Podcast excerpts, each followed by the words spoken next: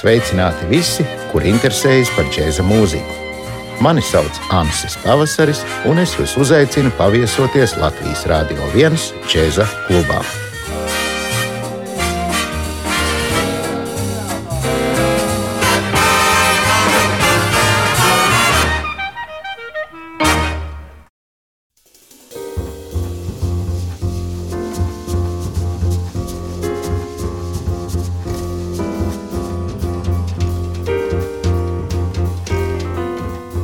Piesātināts inteliģents spēles stils, plus rūpīgi pārdomāta attieksme pret lietām apkārt, tātad dzīve vispār.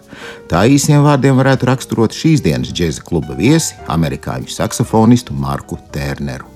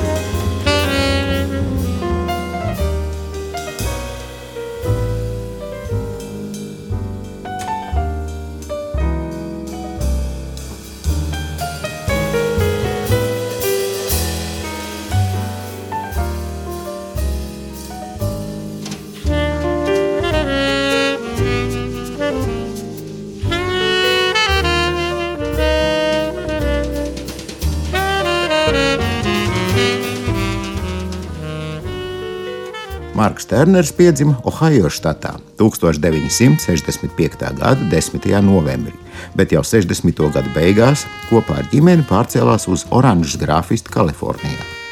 Bērnībā mūziku viņa neaizrauja tik ļoti kā zīmēšana. Zēna sapnis bija kļūt par ilustrātoru. Kaut gan vidusskolā viņš paņēma rokās altu saksofonu un vēl pēc diviem gadiem pārslēdzās uz tenoru. Vecāki mūziku mīlēja, un sevišķi jau džēzu. Tā arī Markam bija iespēja klausīties izcilu mākslinieku ierakstus.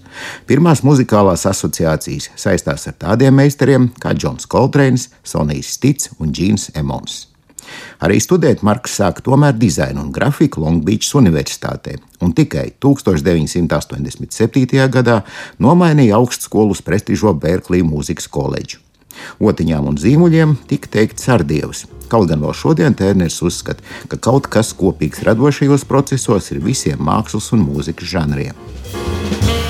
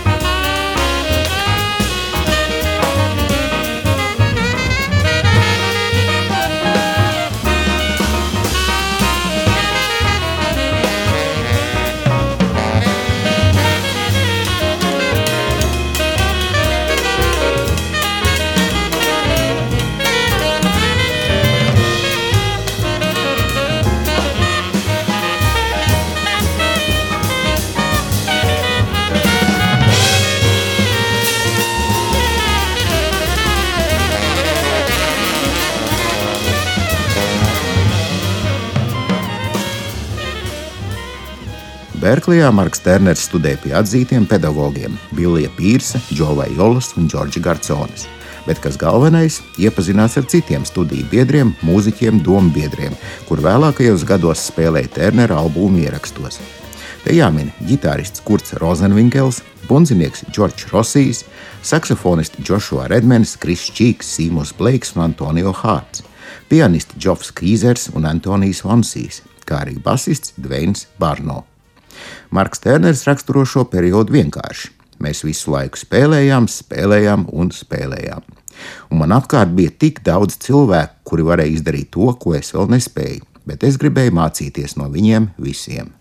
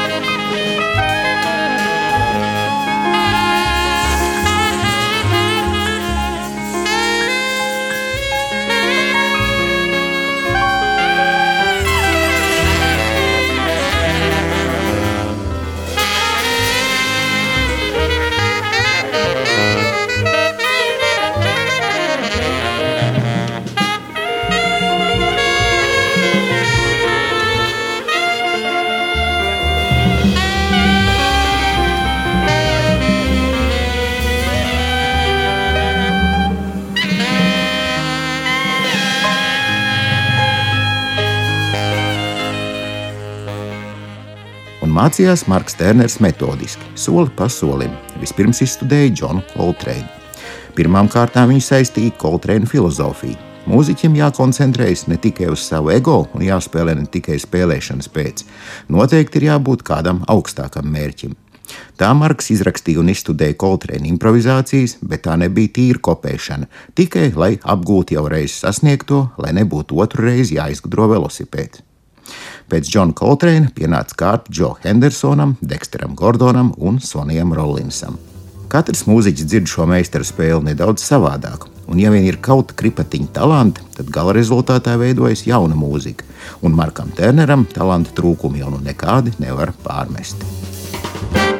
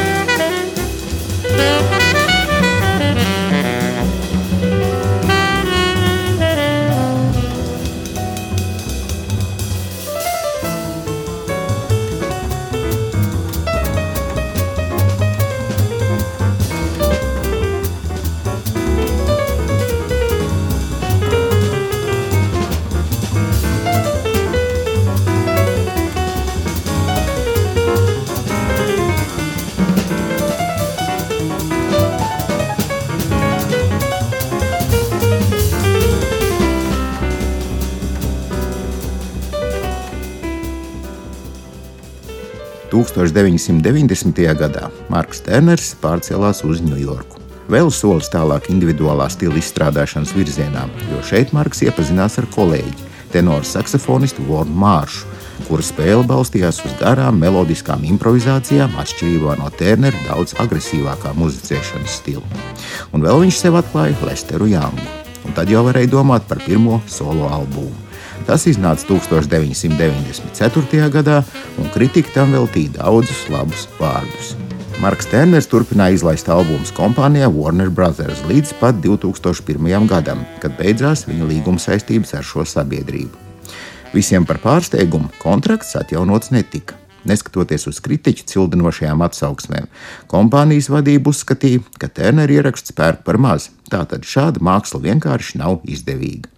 Marks Terners ļaunprāt neturēja. Viņš pat esot jūties atvieglots un beidzot brīvs no jebkādām saistībām.